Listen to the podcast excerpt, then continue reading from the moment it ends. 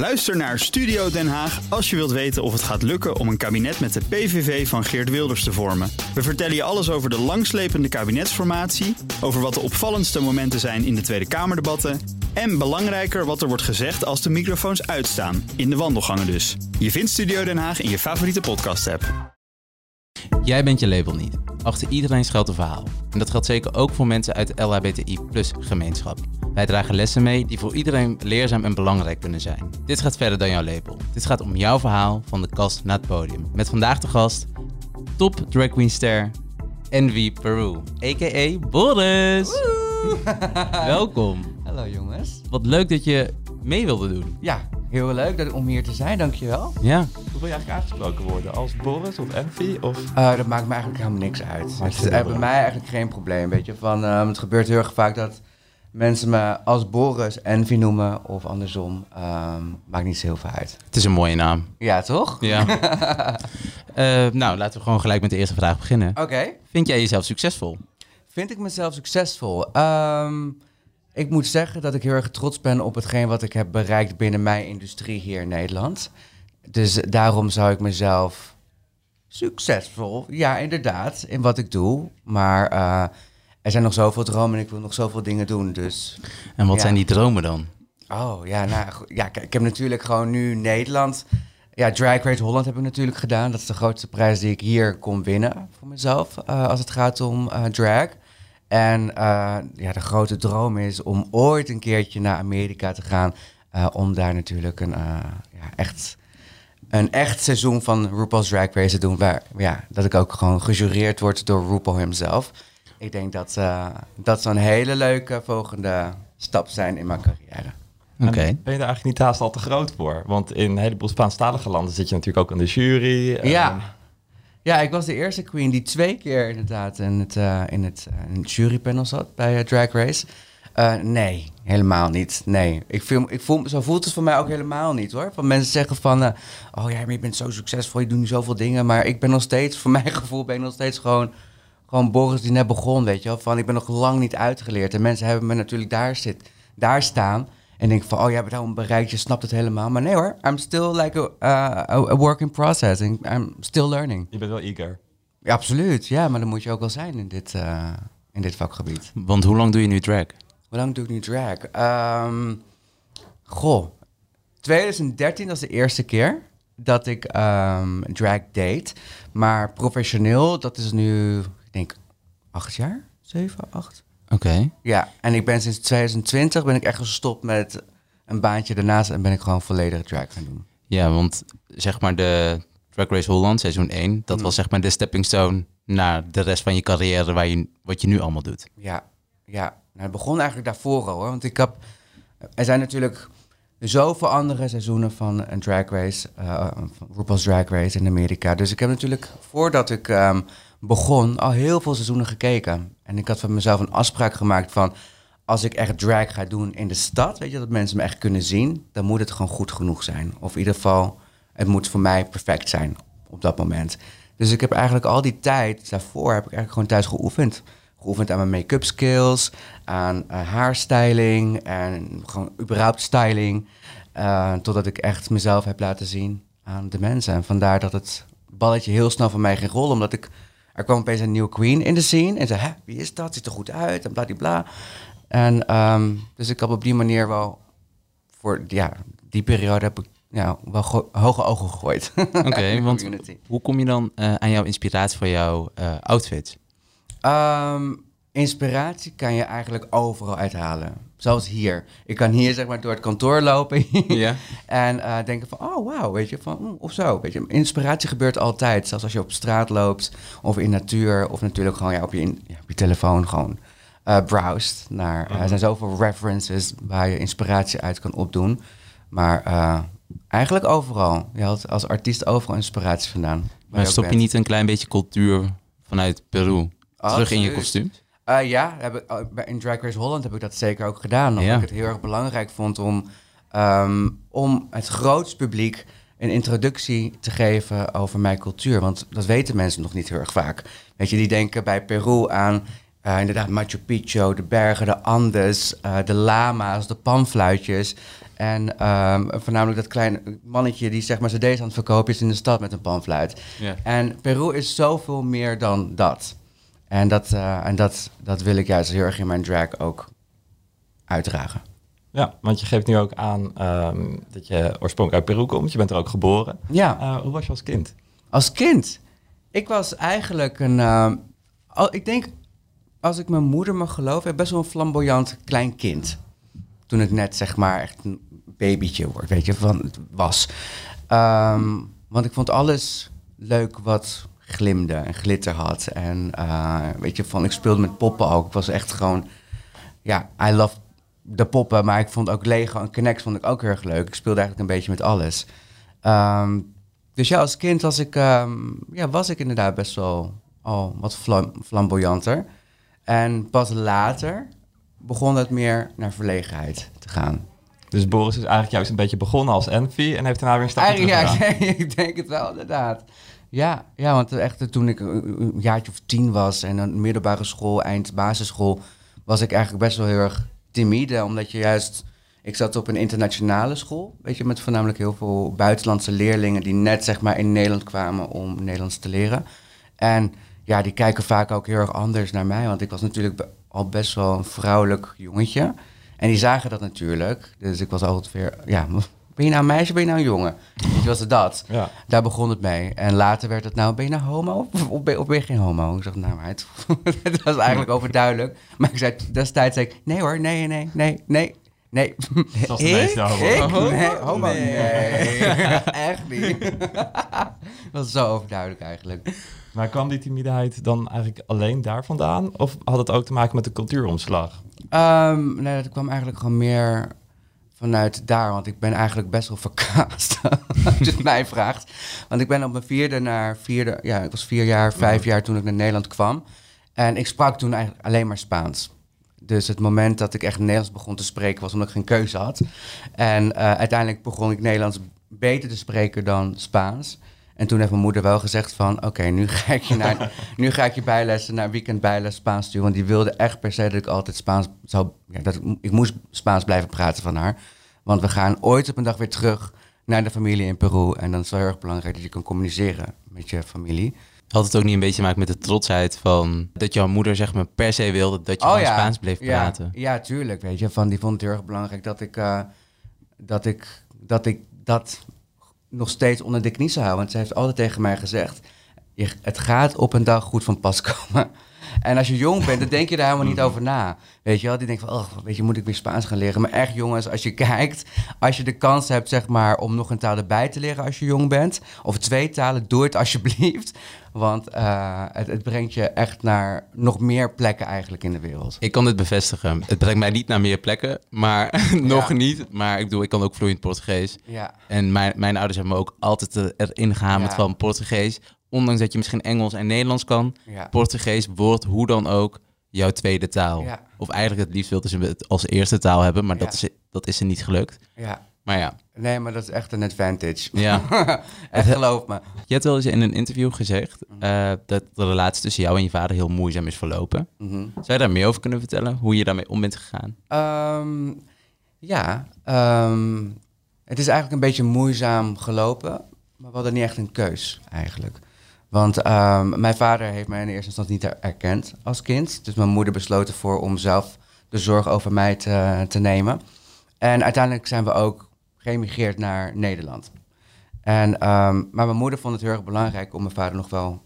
Tenminste, die vertelde altijd nog over mijn vader. Die heeft nooit iets verkeerds gezegd over mijn vader. Weet je, die heeft heel erg de keuze gerespecteerd van... oké, je bent nog niet klaar om vader te zijn. Want hij was midden in zijn carrière om tennisser te worden. Een groot tennisser ook in, eh, in Peru. Dus een kind, ja, dat paste gewoon niet in het plaatje die hij op dat moment voor ogen had. Ehm, ja, door waardoor mijn moeder eigenlijk ervoor gekozen heeft... oké, dan, doe ik het zelf. Maar nooit, ze heeft me nooit opgevoed met haat voor mijn vader.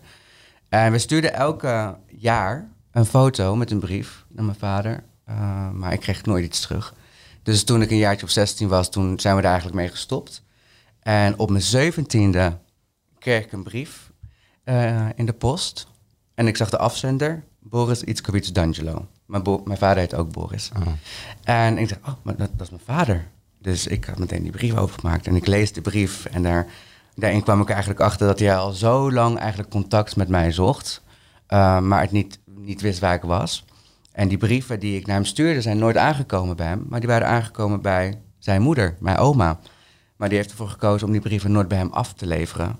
Puur om het feit omdat jij een nieuw gezin had gesticht in, eh, in Peru. Dus was bang dat dat zeg maar kon eh interfereren.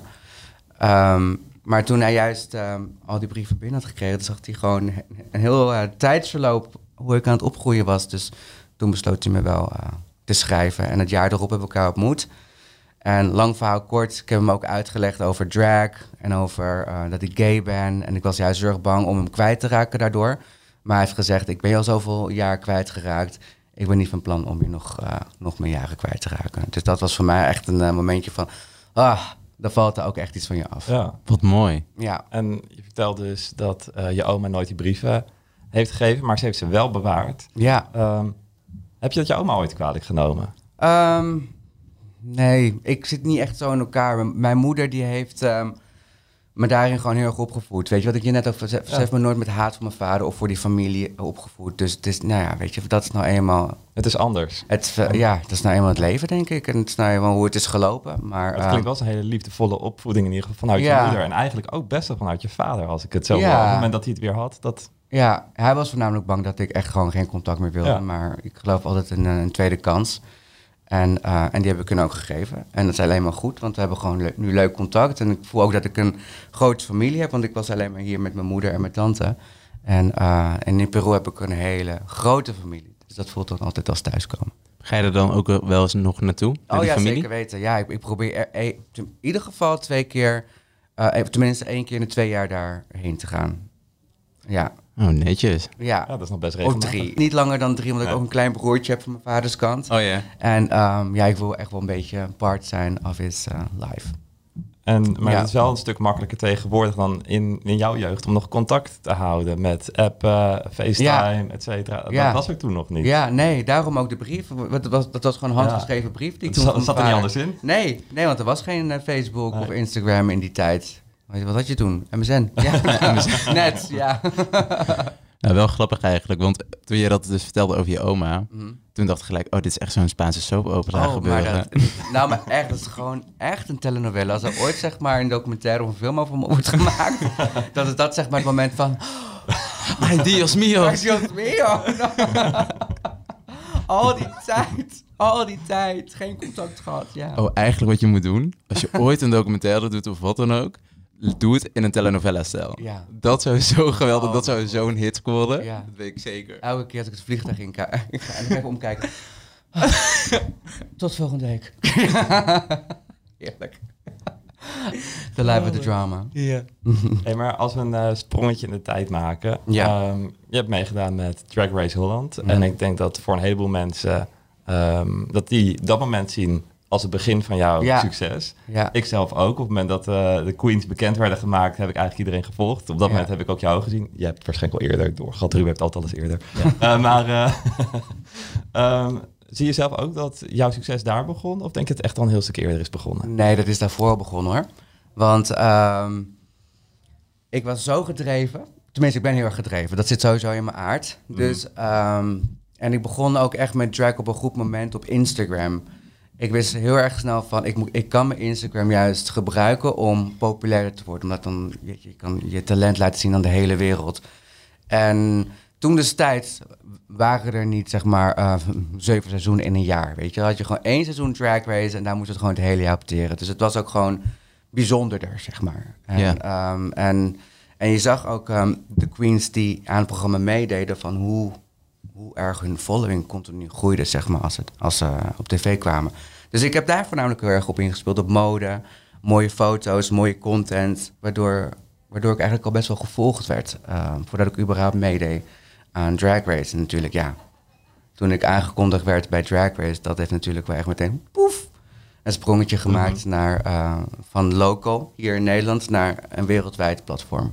Want was je eerst alleen bekend in Nederland, of je following? Was dat voornamelijk Nederlanders of was dat al... eh, Nee, voornamelijk, het waren voornamelijk al, al eh, Amerikanen. En Echt waar? Londen en Europa. Want ik, ik werk gewoon heel veel in Nederland, maar ook door heel Europa. Ook al was ik nog niet zeg maar op drag race, weet je. Van, maar ik had toch wel de kans om in andere steden op te treden. Dat al. social media deed echt wel wat goed voor ja, jou. ja, ja, social media zijn echt, eh, die kan je echt naar plek, ja, plekken brengen, zeg maar, die, ja, of deuren openen die normaal gesproken dicht zouden blijven.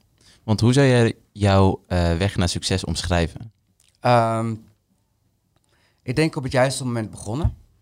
Mijn eh, marketing, gewoon qua, qua ehm, wat ik, hoe ik mezelf neerzet op social media.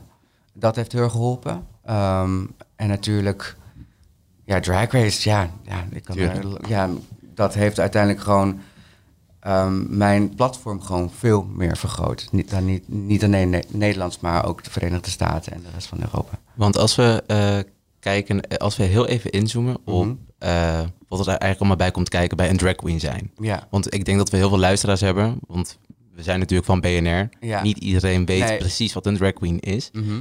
Maar eh, hoeveel creativiteit erbij komt kijken, marketing skills, eh weten hoe je moet communiceren, ja. hoe je continu onder de aandacht moet blijven. Je Ja. bent eigenlijk gewoon een, een, een onderneming. Ja, ik ben een hele onderneming gewoon, maar ik doe alles gewoon zelf. Ja?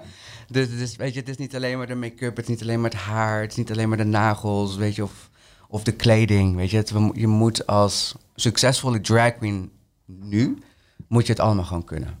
Eh, dat, dat, dat is wel het allerbelangrijkste. En weten hoe je met mensen moet omgaan. Ik denk ook veel aan mijn succes heb ik ook te danken dat, doordat ik ook gewoon een aardig iemand ben om mee samen te werken. Dus ik denk heel erg vaak, mensen denken heel erg vaak bij drag queens van, oh, dat zijn, eh, ja, dat is heel venijnig en eh, bitchy. En dat kunnen we ook wel zijn onderling, gewoon puur voor de grap. Mhm, maar, de eh, shade. ja, gewoon de shade, dat is gewoon part of the culture. Ehm, maar ehm, je moet weten bij wie je het doet. Niet bij mensen als je daar net, net bij gaat werken. Ehm, ik denk, ik ben altijd gewoon vriendelijk geweest tegen iedereen. Zelfs het eh, mensen van de catering tot de mensen van het toilet. Je weet nooit wie je kan tegenkomen in, eh, in toekomstige stappen in je carrière. Dus ehm, kindness en professionaliteit is iets wat heel erg belangrijk is. Ook als een queen. Ja, en ja, over het shade had je, daar hadden we een paar afleveringen terug over met eh Francis van Broekhuizen, opera Oh ja, I Ja. love Francis. Ja, Eh, gek op haar. zij vond dat een beetje heftig. Zij kan er eh, Ja. niet zo goed tegen. Ja. Als in eh, zelf, ze vindt het bij jullie heel leuk om te zien. Ja, Ehm, maar sowieso in deze serie stellen alle gasten een vraag aan elkaar. Oké. En in de aflevering voor je hadden we Claudia de Brij. En die had een vraag, met een beetje een inleiding. voor mij? Ja. Oh, wauw. Ik zat na de Pride vorig jaar in de trein terug met een groepje vriendinnen. En eh, toen zag ik een jongen en ehm, in drag, niet zo, ja, zo'n beetje wat je tegenwoordig ook wel vaak ziet, zo niet super in drag, maar een beetje tussenin, weet je wel, maar wel duidelijk in vrouwenkleren. Ja. En, ehm, en dan heb je zo'n moment van dat je uit de Pride steeds verder van de Pride weg bent en dus steeds verder in de gewone wereld komt. En toen kwamen we aan op Utrecht Centraal en ik zag hem, ik zag zijn spanning toenemen toen hij de trein uit moest lopen. En ik zocht oogcontact omdat ik, we hadden het al met elkaar over gehad, maar we gaan anders wel om hem heen lopen. Oh, wat Weet lief. je wel? Ja, maar ja, omdat je denkt van ja, er is, weet je wel, dan ben je pas stoer als je dat, als je dat doet. Dat is. Ja. En, eh, maar ik kreeg geen oogcontact met hem, omdat hij natuurlijk al lang eh, op de knop stond van ik moet gewoon door. Ja. Dus ehm, ehm, mijn vraag zou zijn: heeft hij dat zelf ooit meegemaakt? En wat helpt? Hoe zou je als omgeving kunnen zorgen van. eh, want ik weet zeker als we met een stuk of een stuk of acht oude lesbies, als wij er omheen lopen, gaat je echt niks gebeuren. maar ik kreeg gewoon de kans niet. En ik dacht ook, van, ja, ik moet hem ook niet, moet dat ook niet nu gaan forceren. Maar ik moet er nog wel eens aan denken. En ik denk, ja, je wilt dan er een beetje zijn voor, voor elkaar. Ja. Nou ja, A, is dat nodig? Misschien is het wel nee, dat is helemaal niet nodig. En, en B, hoe kan je dat doen? Goeie vraag. Ja, vond ik ook. Want ik, eh, ik herken dit heel erg. Ik herken dit heel erg zelfs. Ehm, kijk, nu gelukkig, weet je, hoef ik niet in het openbaar vervoer. Als ik zeg maar ergens naartoe moet, weet je, daar, daar hebben we nu dingetjes voor geregeld. Of ik word daar naartoe, naartoe gereden. Of Ja. ik neem gewoon een Uber als het in Amsterdam is. Maar het gevoel inderdaad dat je eh, in drag bent en in de trein zit en je weet niet wie je tegen kan komen. En je kan eigenlijk iedereen tegenkomen, maar ook gewoon mensen die, die het niet snappen wat je doet. En eh, genoeg dat ik om me heen heb gehoord van queens die uitgescholden zijn of geslagen zijn. Gewoon door in een trein te zitten, gewoon naar huis willen gaan. Eh, ja, dat is nog steeds niet helemaal veilig. Ehm, wat zou je kunnen doen? Ik denk sowieso wat Claudia wilde doen. Dat is altijd gewoon heel erg lief. Weet je, van ik denk, mocht, mocht die persoon dat nodig hebben, ja, dat, dat- dan denk ik juist van, oh, dat is alleen maar fijn. Dat er iemand eh, een oogje in het zeil houdt. Want je weet, gewoon, je weet het gewoon nooit wat er kan gebeuren. En ehm, als ik voor mezelf spreek, ik ben sowieso ook als ik, tenminste als ik even terugdenk aan die tijd, dat ik wel in drag was. V- Vermijdde ik ook gewoon oogcontact met iedereen. Ja, omdat je gewoon, eh, Je kan ook slecht ook contact krijgen. ja, weet je, van dan maar geen oogcontact, Ja. weet je wel. Dan een koptelefoon op, heb mijn telefoon en dan hoop je maar gewoon dat je zo snel mogelijk van, eh, dat je zo snel mogelijk thu- thuis bent. Ehm, ik denk je kan beide doen. Ik denk als je het ziet, zeg maar, ehm, dat het nodig is bij diegene, ja, spreek diegene aan. Of als, als je überhaupt ziet dat er iets zou kunnen gebeuren. Weet je, dat omtrent van dat je mensen om hem heen ziet staan die hem wellicht iets zouden kunnen aandoen. Of misschien iets gemeens zouden kunnen zeggen. Ja, neem het altijd op voor diegene. Ja. Zorg ervoor dat diegene nooit het alleen hoeft te doen. Want je zegt dat je het eh, herkent. Heb je vaak alleen gevoeld eh, in het OV bijvoorbeeld? Oh ja hoor, ja, ja. Ja, die ogen. ja, je krijgt altijd die ogen en, ehm, en mensen die... Of het is zeg maar, yes, dat ze snappen, dat is Ja. yes queen. En dat, weet je, dat voelt altijd gewoon goed. Maar je hebt eh, genoeg, weet je, van eh, dat, ik, ja, dat ik rondloop en dat ik jij voelt het gewoon. Maar ja, goed, weet je, van... Wat, ik maak het al... Het is geen nieuw verhaal, zeg maar, van elke homo is wel een keer is, is gepest of er zijn dingen naar diegene geroepen. Dus ik heb op zich gewoon een hele, dek- een hele dikke olifantenhuid. dus het raakt me niet meer zo heel veel. Ben je niet bang dat het, eh, je hoort meer in de media, dat heeft een andere aflevering Astrid Oostenbrug gezegd, de Mhm. voorzitter van het COC.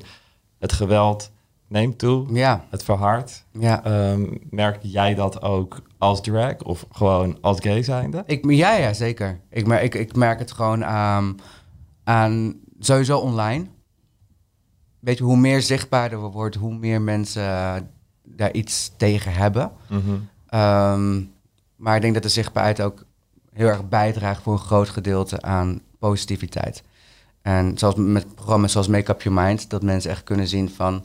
Oh, dit is wat jullie doen. Ook al doen de amateurs het natuurlijk, weet je, de BN'ers. Maar dat ze in ieder geval een beetje een, een taste hebben van... Wat, dat wat wij doen is niet iets strafbaars. Het is niet iets geks, het is niet iets vulgairs. Het is eigenlijk iets... eh, ja, het is, het is een hartstikke mooie artvorm die je in heel veel verschillende manieren natuurlijk kan uitvoeren. Maar ja, Maar ik denk ook wel dat het een beetje komt dat mensen vandaag de dag misschien minder snel durven in te grijpen als iemand wordt uitgescholden. Omdat je hoort ook steeds vaker dat mensen messen bij zich hebben. ja. En of wapens of wat dan ook. En Mm. ik kan me de onveiligheid wel. eh, ik kan de onveiligheid wel begrijpen dat je denkt van, oh, ik kijk het nog even aan. ja. Alleen wat ik altijd probeer te doen, is als ik zie dat ik als ik een jongen met make-up over straat zie lopen Ja. en het is donker, Ja, dan probeer ik altijd te zeggen, je ziet er mooi uit. ja. En dan weet je in ieder geval, oké, ik heb hem gezien. Mhm. Ik ben er in ieder geval oké mee, want anders zou ik je niet aanspreken. En dan weet je vanaf dat moment ook, mocht er iets gebeuren, dan, dan ben ik er. Maar, dan, maar ik hou wel gewoon afstand, want ik ga niet als een creep. Hi, how you doing? Ja, ja. nee, nee. Nee, maar dat snap ik ook wel. Ja. Maar dat is ook een goede manier om het te doen. We hebben dus net even kort gehad over nou, wat, wat zware dingen in de community. Mhm. Ehm, maar ik ben ook gewoon even benieuwd naar jou iets positiefs. Eh, wat is het moment in je carrière waar je het meest trots op bent? Oeh, het moment waar ik het meest trots op ben. Ehm, er zijn er twee. Dat is, ehm, de eerste is dat ik bij drag, dat, dat ik natuurlijk gewonnen heb. En, eh, maar dat ik zeg maar ehm, met die win in Drag Race eh, Holland, dat ik daar niet alleen maar de Nederlands mee bereikt heb, maar ook mijn, eh, mijn moederland, Peru. Ehm, het kwam daar in het nieuws voorbij dat ik gewonnen had. Ze leefde er zo mee. De hele community leefde zo mee. En het was echt team Envy Peru, que viva Peru, carajo, weet je. Dus ik had de hele community, daar had ik gewoon mee. En, ik, en dat was voor mij heel erg bijzonder, want dat, dat, dat, dat voelde voor mij, oh, weet je, van I'm part of the Peruvian LGBTQ plus eh, community. Dus dat deed me gewoon heel erg goed. Dus het moment dat ik voor de eerste keer terug kon naar Peru na de winst, om daar op te treden, nou, toen ben ik echt als een koningin daar eh, ontvangen. Dat was echt zo bijzonder. En ehm, om een show daar te doen, ook waar, me, waar mijn familie bij is, die me anders nooit had kunnen zien. eh, om daar een show te doen, dat was wel een van mijn trotste momenten in mijn, ja, mijn land, mijn roots. Ehm, ja, dat was voor mij heel bijzonder. Mooi. Ja. Want hoe reageerde jouw familie dan toen ze jou daar zagen? waren ze geschrokken of dachten ze van... Hè, Nou, ze, hadden, ze waren ten eerste gewoon heel erg verbaasd, zeg maar, wat er qua media-aandacht gebeurde. Ja. Dus gewoon voor hun ben ik ook gewoon een kleine neefje Boris, zeg maar. Die, weet je, die hadden het nog nooit in, verwacht dat dit in hun, hun land eigenlijk zou gebeuren. Want het, er waren, stonden mensen bij de airport te wachten, bij mijn hotel te wachten. En mijn tante zat echt zo van... Huh? Ja, die hadden helemaal geen idee, zeg maar, hoe groot eh, ons seizoen was van, eh, van Drag Race. Dus dat was wel... eh, ja, dat, was, dat vonden ze heel bijzonder. had jij het wel verwacht? Tuurlijk. Ja? Ja, ja want je moet, ik, ik ging natuurlijk het, dat, het seizoen in met de droom om te winnen. En ik heb altijd het gevoel gehad dat er iets gaat gebeuren in mijn leven waar ik goed in ging, ga zijn. Weet je, ook al, ik heb echt niet, na, tenminste, het, het was bij mij nooit het idee, zeg maar, oh, later word ik drag queen. Het is gewoon echt op mijn pad gekomen. Maar ik heb altijd het gevoel gehad dat ik iets zal vinden, zeg maar, waar ik goed in ga zijn. En waar ik succesvol in kan worden. En ik denk dat ik dat nu gevonden heb. Ja, want je hebt net al je ambitie ook uitgesproken. Je bent heel erg eager. Ehm, droom je daardoor ook groot? Of was, was dit je droom? Nee hoor. Dat, dit was mijn droom, inderdaad, ehm, drie jaar geleden. Dat was dat de ultimate dream. Mhm. Maar uiteindelijk heb je die droom bereikt. En ze van, oké, je kan steeds groter, je kan steeds hoger, weet je. Van, sky is the limit. Ehm, er zijn zoveel dingen, ik heb zoveel dingen gedaan waar ik, waar, wat ik nooit had gedacht dat ik überhaupt zou kunnen doen. Ehm, als het gaat om, om werk en opportunities en televisie. En eh, ja, dat is natuurlijk allemaal daarbij begonnen. Want wat is de volgende stap voor Envy Peru? Wat is de volgende stap voor Envy? Nou, mijn volgende stap is, we zijn heel erg lang bezig geweest om een Amerikaanse werkvisum te krijgen. Dus, eh, en dat is gelukt. Wel? Ja, Envy Goes America. Dus het, dat was een lang eh, traject, een duur traject ook. ehm, maar we hebben hem voor drie jaar. Dus eh, ik voel dat ik in Nederland al heel veel dingen heb kunnen doen. Grote dingen, de grootste dingen eigenlijk heb kunnen doen als het gaat om mij op mijn werkveld. En natuurlijk heb ik nog zoveel meer plannen in Nederland. Maar ehm, ik ga nu even kijken wat, het, eh, wat de American Dream has to offer. Dat betekent ook dat je gaat verhuizen naar Amerika. Nee, nee, nee, dat zie ik, dat zie ik dan nog niet zo zitten. Ehm, ik ben te gehecht naar Amsterdam. Mhm. En eh, dit blijft ook zeker mijn homebase. Ik heb ook gewoon mijn partner hier. We hebben gewoon een heel erg fijn Ja. huis. Dus eh, nee, ik zie mezelf niet verhuizen. Volledig, permanent naar Amerika. Maar ik zie mezelf bijvoorbeeld wel... misschien voor een maandje of twee maandjes in Los Angeles of Lekker Las afwisselen. Vegas. Ja, weet je, om daar in ieder geval mijn gezicht te laten zien. Zei je nou Las Vegas? Zei jij nou Las Vegas? Ja, is dat, ja? Ja, oh, wacht even. Ehm, Als het er niet in mag, kunnen we het eruit knippen. maar ik bedoel, je, je zegt, dat is best wel... ja, Als je naar Las Vegas gaat, ik denk Dat- dat, mensen het ja. snel kunnen invullen. ja, inderdaad. Maar daar mogen we nog niks over zeggen. Maar zeggen, we zijn er in ieder geval met hele leuke dingen. Wat we goed. zijn met leuke dingen bezig. eh, Wat vet, vanuit, dat jij dat kan. Dat, Ja. dat jij dat mag doen. Ja, nou, het is nog niet zeker. Hè? Dat is Doe nog niet zeker, We, zijn maar- nog, we zijn ermee bezig, maar we zijn met heel veel leuke dingen bezig die ik, eh, die ik in LA of, eh, of in andere plekken zou kunnen Cool. doen. Maar ja. Nee, Ja, het zou dus- echt trots op jou. Nee, Wauw. Ja, maar de, de, de sky is the limit, Ja. weet je. Van, ehm, je moet alleen zelf gewoon heel erg goed in geloven. Je moet gewoon zelf de, de- die, die, die, passie hebben, die discipline hebben om eh, gewoon door te gaan. Ook al heb je tegenslagen, gewoon doorgaan. Ja. Gewoon doorgaan. En blijven leren. Je bent nooit uitgeleerd. Hoe succesvol je ook bent, Beyoncé leert ook nog steeds. Mhm. Ja, ze moet haar helm minder hard op de grond gooien, zodat hij niet meer zo snel breekt. Ja. Die meid kan ook nog wat Ja, leren. en- snap je?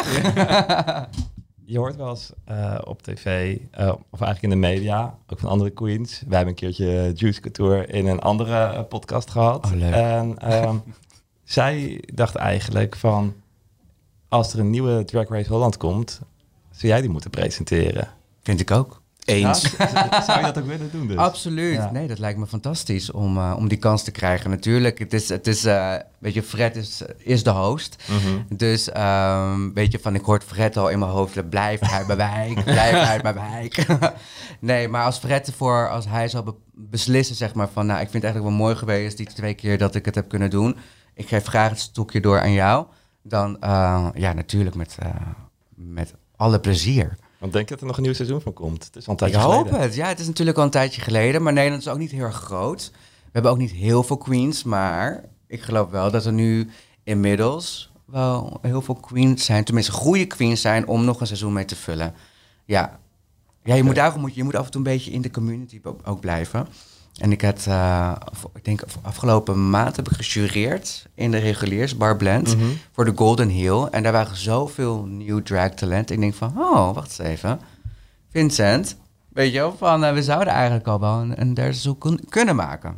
Maar heb jij dan ook invloed op tegenwoordig? Dat je nog met die productie bijvoorbeeld praat? we hebben sowieso wel altijd contact met, eh, met, met producties. En weet je, dat drag race is... je spreekt ieder... Tenminste, je komt elkaar heel vaak tegen. Ook mensen van productie en directeuren. Dus... eh, maar ja, goed, de rumors gaan natuurlijk rond. Mhm. En of die rumors waar zijn, dat weet ik niet. Maar het zal wel te gek zijn als we nog een, eh, een drag race zouden kunnen doen. Zeker weten. Misschien met mij erin. Ik stem voor. ik ook. Ja, maar ik, ik zie het ook gewoon. Ik denk dat ik nu inmiddels wel zeg maar eh, mezelf bewezen heb met de dingen die ik heb gedaan, dat ik het zou kunnen doen. En dat zou ook betekenen dat ik de eerste winnaar ben die als host werkt. Oh ja, want eigenlijk alle hosts zijn geen winnaars. zijn nooit winnaars zijn geweest. nooit winnaars geweest. Je bent nu hier als Boris. Eh, je hebt ook aangegeven, we mogen ook Envy zeggen. Mhm. loopt dat, eh, dat loopt het best wel door elkaar heen. Ehm, zijn Boris en Envy ook één? Nou, inmiddels, ik moet zeggen, in het begin begint drag voor heel veel artiesten als een ehm, alter ego. Mhm. En het is het ook, weet je. Van je alter ego durft net even iets meer dan, dan dat ik ja, als mezelf zou doen. En, ehm, maar uiteindelijk leer je door je alter ego, leer je ook heel erg veel. Je leert eigenlijk dat je gewoon veel meer durft dan dat je eigenlijk in eerste instantie denkt. Dus ik zou wel zeggen van Envy en Boris, die zijn inmiddels over de jaren heen naar elkaar toegemerged. Maar toch ehm, is Envy wel zeg maar de superster. Die het durft en eh, weet je die het gewoon doet. Als je helemaal geen track aan had, Mhm. zou je dan niet durven op te treden zoals Envy doet? Nee, ik denk het niet, want het komt niet over. Voor mijn gevoel dan. Ja. Weet je, kijk, als ik repeteer voor een show, weet je, ben, doe ik het sowieso als Boris. Weet Ja. je, en, en je, je, je visualiseert jezelf gewoon hoe het er uiteindelijk uit gaat zien. Ehm, maar natuurlijk, gewoon mijn drag is mijn kunst, weet je. Van als ik eenmaal helemaal in drag ben, dan komt wat ik, dan komt, ja, dan komt het, dan komt het allemaal bij elkaar. Eh, De fantasie is compleet. ja, de fantasie is dan compleet. En without the make-up, it's not. Ja, je, geeft, eh, je zegt nu ook van, eh drag is ook je kunst. Ehm, een heleboel van onze luisteraars die zullen echt, die denken, hey, die doen even een make-upje op en eh, ze staan, daar staat een man verkleed als vrouw. Mhm. Zo is het natuurlijk helemaal niet. Het is echt een flink proces. Kan Ja. je daar ook voor de mensen die het niet snappen, een beetje uitleggen hoe eigenlijk een avond, dat je een optreden hebt of wat dan ook, Hoe dat eruit ziet. Ja, Ehm, en hoeveel tijd het kost. Ja, nou laten we bijvoorbeeld zeggen, ehm, als wij onze shows doen, eh, ik heb een, een residentieshow twee, de Rotterdam Drag Show en de Amsterdam Drag Show. En ehm, dat is gewoon een twee uur, ja, een twee uur durende show met, eh, met zeven andere queens en ik ben de leading lady daarvan. Dus hoe de dag dan begint, nou je staat op, je gaat eh, een ontbijtje, niet al te, niet al te vullend ontbijtje.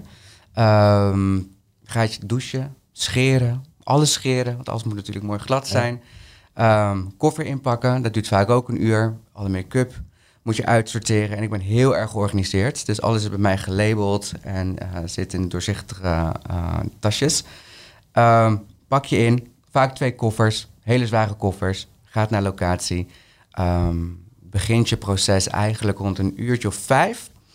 En, ehm, en ik reken altijd zeg maar twee tot drie uurtjes reken ik uit. Tenminste, om, ja, dan ben ik helemaal klaar. En dat is vaak dan twee uurtjes voor de make-up. eh, een half uurtje meer even om te kleden. Padding, corsetten. En, en, en dan is het showtime. En dan is het gewoon klan- knallen. Maar dit is alleen op de dag zelf. Dit is alleen op de dag zelf. Je bent de hele dag al kwijt, zeg maar, gewoon om één show te doen. Bijna. Ja, maar je moet ook je, je set voorbereiden. Ja. Je moet het in elkaar zetten. Ja, Er zit veel meer achter. Je moet een fantasie creëren. ja. Je moet weten wat voor look je gaat doen. Het is zoveel meer. Het lijkt heel, allemaal heel makkelijk altijd. Maar het is Leuk, zo... want hij doet geen drag, maar hij Ik doe wel- geen drag. Ik weet, ik weet, Hij weet wel hoe het, ik eh, weet wel hoe het gaat. werkt. Ja. Ja, ja, maar dat klopt inderdaad. En je act voorbereiden, en ehm, dat, heb je van, dat heb je daarvoor natuurlijk al gedaan met je dansers eventueel. Weet je, daar heb je daar gewoon echt urenlang al in, eh, ja, in geïnvesteerd. En ehm, ja, het kost eigenlijk heel veel tijd inderdaad, als ik er nu over nadenk. Nee, het gaat ook gewoon door. Ik ben ook elke dag gewoon aan het werk. Als het niet zeg maar op de bühne is, dan is het gewoon thuis achter de laptop. En ehm, ja, it's, it's a business, guys. En voel je niet af en toe gewoon kloten dat mensen het soms erg onderschatten? Want het is wel jouw werk. Ja, nou, ik, ik laat het ik, blijkbaar gewoon heel erg makkelijk eruit zien. Ja, en dat is vaak het, het, het, hetgene met, eh, met dit soort beroepen. Het, liet, het ziet er gewoon heel erg makkelijk uit om te doen. Het zal ook niet zoveel moeite kosten, denken mensen dan. Uh, maar juist het tegenovergestelde. Het is juist de kunst om het zo makkelijk te, uitlaten, te, te laten zien. Uh, wat het natuurlijk niet is. Je doet Ja, het niet maar zomaar eventjes. Je wordt dus onderschat. Ja, maar ik denk heel veel creatieve beroepen hebben dat. Dat ze worden onderschat, weet je wel. Als het om dansers gaat of acteurs, weet je wel. Van, ehm, je moet gewoon ook betaald worden naar wat je jezelf waard vindt. Dat zeg ik altijd, weet je wel. Van de tijden dat je 100 euro, of, eh, 100 euro krijgt voor een boeking, die zijn wel voorbij. Maar ik denk als artiest moet je ook je eigen kracht ook gewoon kennen. eh, van, om dat soort bedragen ook gewoon af te wimpelen. Weet je, nee, 150, nee, I'm, I'm worth a little bit more than that. Ja. En eh, op die manier kunnen, we ook gewoon de industrie ook gewoon hoger krijgen. Dat de queens ook beter betaald worden. Dus je bent ook best wel zakelijk ingesteld. Ja, ja weet je, van ik ga niet meer van, eh, nee, ik heb wel, eh I paid my dues. Weet je, van ik ga niet meer voor, voor 100 euro ergens staan. Nee, maar je moet je gewoon, ja, nee, maar dat moet je gewoon niet doen. Tenzij het echt voor iets heel erg leuks is, iets voor de community. Ja. Weet je, dan hoef ik er niet eens geld voor, bij wijze van spreken. Zoals bij hier. Ja, Zoals hier. bijvoorbeeld, ja. Ja.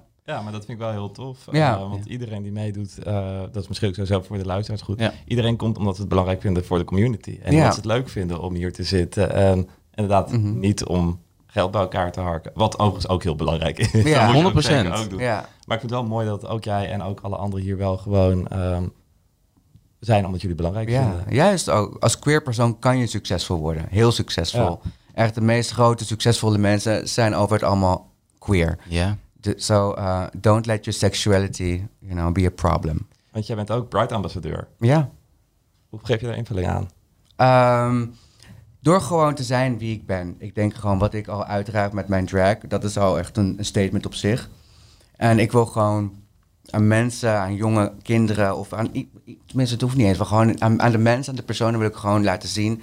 dat iemand die, eh, die uit het buitenland komt als immigrant... hier illegaal heeft gewoond... uiteindelijk samen met mijn moeder hier een toekomst heb opgebouwd...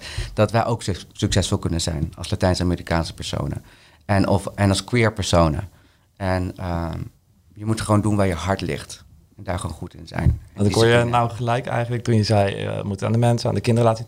Eigenlijk bij het woordje kinderen, toen slikte je woorden in. Is het omdat eh, ook extreem rechts heel erg vaak woorden zo verdraait alsof, bijvoorbeeld met de voorleesmiddag? Ja, ja, ja. Eh, eh, Heb, zeg je dat bewust? eh, ja, want ik denk van, ja, kijk, ik, ik vind het gek dat kinderen nu ook open-minded worden opgevoed. Dat ze, dat ze meer weten, dat er, dat dat er meer is tussen man en vrouw. But, weet je, van als queens, we don't try to come for your kids. We don't care about your kids. Weet je, van, het maakt niet uit, het- zolang ze gewoon worden opgevoed met respect voor elkaar.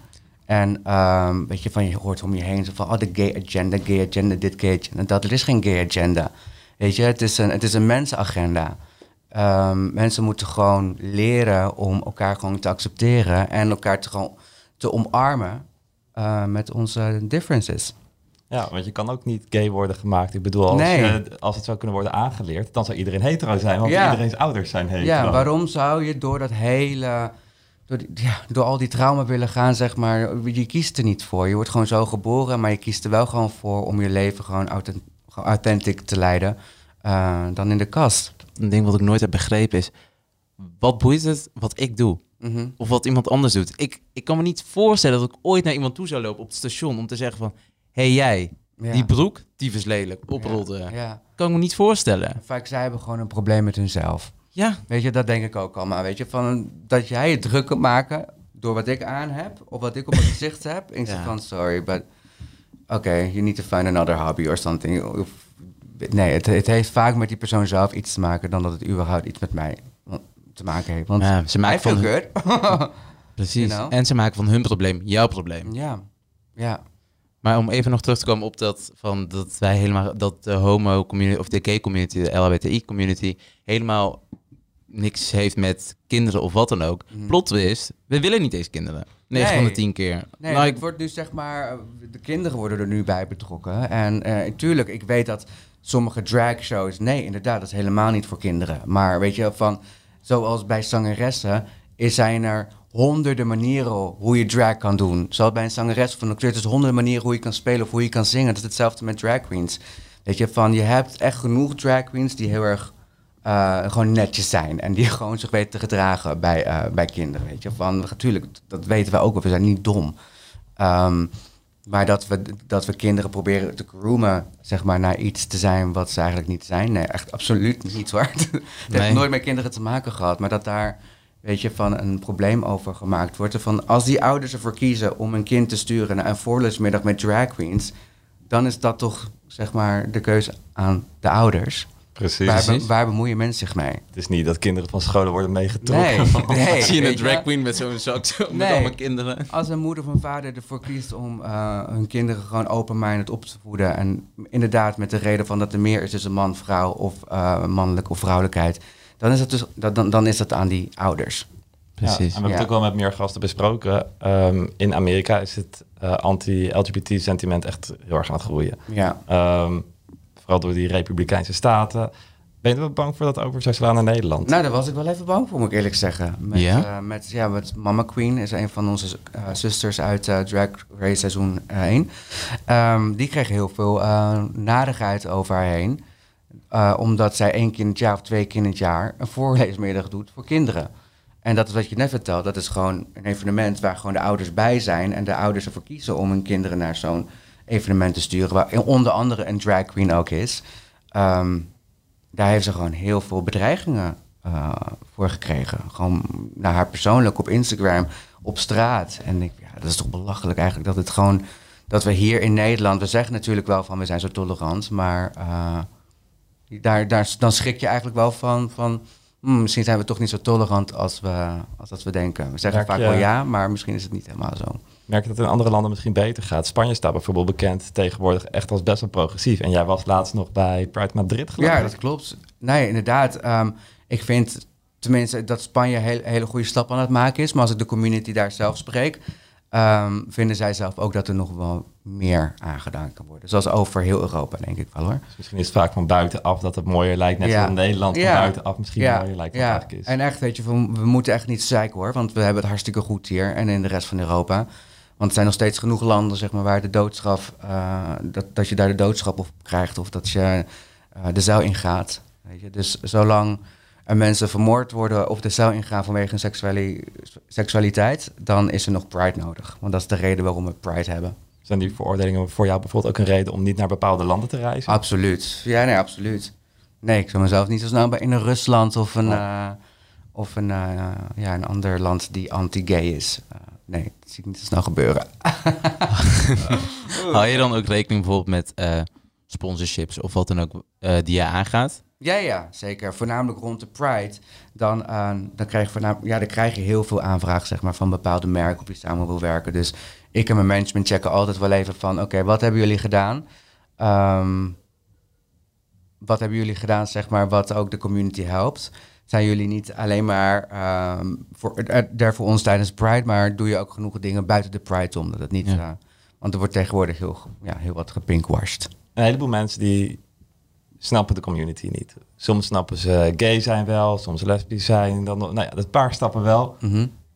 Maar soms wordt het voor mensen te ingewikkeld. Eh, Non-binair. Drag die heeft dat stigma misschien net zoveel, misschien nog wel erger. Eh, Hoe kijk jij daar tegenaan en wat, wat is daar tegen te doen? Ehm, als het gewoon op, op mezelf betrekt, zeg maar, kijk, als ik in drag ben, weet je, dan vind ik het altijd wel fijn. Is, kijk, spreek gewoon aan wat je ziet. Weet je, gewoon eh, zij is het dan. Dus als iemand, als ik in drag ben en zegt hij, dan heb ik iets verkeerds gedaan. dan is iets, iets misgegaan. Ehm, dus eh, en als, gewoon als ik uit, uh, out of drag ben, is gewoon hij. Dus voor mij is het vrij simpel, denk ik. Ehm, maar ik snap dat het voor heel veel mensen kan het kan non-binair, they, them, de pronouns, eh, kan ingewikkeld worden inderdaad, om dat in je spreektaal ehm, toe te passen. En ik denk dat dat, dat, dat is, dat hebben heel veel mensen, denk ik, nog steeds. Ehm, maar ik denk, zolang je acknowledge, zeg maar, dat you're trying, weet je wel, van een, dat je af en toe misschien de mist in gaat, dat kan Mhm, gebeuren, ja. maar you're trying. Eh, want je moet gewoon makkelijker worden en Ja. handiger worden daarin. Ik heb er ook nog wel af en toe eh, moeite mee, moet ik zeggen hoor. Ik denk dat heel veel mensen dat hebben, maar ik probeer het wel.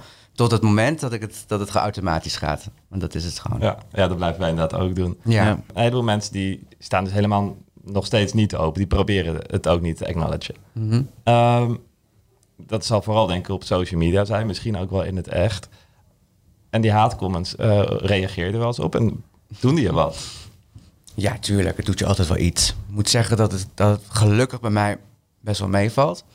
Maar ehm, het hangt een beetje vanaf op wat voor platform je komt. Als je op YouTube kijkt bijvoorbeeld, of je kijkt op Twitter... ehm, ja, dan, dan zie je af en toe wel gewoon hele nare comments voorbij komen. Of je schrikt gewoon wat andere mensen kunnen commenten op iemand anders. Die anders zijn dan, dan dat hun zijn. Ik schrik daar heel erg van. Ehm, en ja, natuurlijk, het doet je altijd. Dus allemaal mensen. weet je, Het doet je altijd wel iets als je iets negatiefs over jezelf ziet. Of, eh, of mensen snappen het niet of proberen het niet te begrijpen. Of niet te zien wat voor persoon je bent. Dat is altijd naar. Maar goed, ik probeer daar. Ik probeer meer te focussen op al het positieve wat je ook voorbij ziet komen, wat je leest, dan op al het negatieve. Want anders wordt het wel heel erg eh, treurig. Goede Ja. focus. Ja. ja, daar kies je zelf voor, waar je zelf je focus Ja. op zet. Ah, ik kies ervoor om gewoon niet te kijken naar de negativiteit. En als ik het zie, dan probeer ik het ook heel snel van me af te vegen. En dat klinkt alsof je best wel wat meegekregen vanuit vroeger. Van Oh ja hoor, ja, een dikke huidje gekregen. En dan als allerlaatste vraag. eh, ben jij gelukkig? Ben ik gelukkig? Ja. Ik ben gelukkig. Ik voel me gelukkig. Ik heb natuurlijk net als iedereen, heb ik mijn minder gelukkige periodes en mijn gelukkige periodes. En, eh, maar ik weet vaak wat ik moet doen als ik me niet zo gelukkig voel. En dat is vaak als ik gewoon niet zo lekker in mijn vel zit, of ik sport niet genoeg, of ik beweeg niet genoeg. Eh, of ja, je voelt je out of shape, dat je niet meer in je kostuums past, weet je. Van, dat is het moment van, oké, even werken aan de winkel. En, eh, maar als je daar eenmaal gewoon weer vol in gaat, dan voel je altijd wat beter. Kan je snel mij- knop omzetten? ja, ja, ja, ja. Ja, vaak moet ik eventjes een triggertje hebben, zeg maar. Iets wat me motiveert. Eh, maar dan, dan, dan ga ik er wel meteen voor. Dus ja, ik, eh, mijn familie accepteert me. Mijn vriend, ik heb hele goede vrienden. Ehm, ik mag dit soort leuke dingetjes doen, zoals met jullie. En ik heb nog zoveel plannen die ik nog wil doen in de toekomst. Dus ik kan... eh, ja, the sky's the limit. En eh, ik voel me daarin gewoon heel gelukkig. Maar ja, geluk weet je van... Wat is geluk? Ja, dat is wel weer zo. Ja. Dat, eigenlijk, iedereen vindt het gewoon een kutvraag. Als we hem stellen van, ja, wat is nou Wat is geluk? Ja. Ja, Ja, wat geluk is het nou? Eigenlijk. Ik eigenlijk gewoon een echte baan. Nou, Boris, Envy, dankjewel voor, eh, voor je mooie en openhartig verhaal. Graag gedaan. Ik vond het heel erg Ehm, leuk om hier te zijn met jullie. Ja, Fijn. ik ook. ja, vond ik Wij leuk. ook. Ja. Maar, Leuk. Ruben is super fan. En we kunnen als... jezus, nu doe je net alsof ik elkaar ga stoken zo meteen als hij Uber instapt. Ik Oh, maakt niet uit hoor. Nee, ik moet naar huis, mijn hond is alleen. Oh. Kan niet. Maar sorry. We kunnen hem samen uitlaten. Nee. Maar we kunnen ons voorstellen dat na deze aflevering mensen jou op socials willen volgen. Ja. Ja. waar kunnen ze dat allemaal doen? Eh, je kan me vinden op eh, TikTok en op Instagram. Op Instagram is het @missenvyperu en op TikTok is het envy-peru. Top. En jullie Heel kunnen makkelijk. ons ook volgen op TikTok en Instagram. Het van de kast naar het podium. En dan zeggen we tot hopelijk volgend seizoen, want het was de laatste aflevering. En eh dankjewel voor het kijken. Ja, dankjewel. Ciao. Doeg!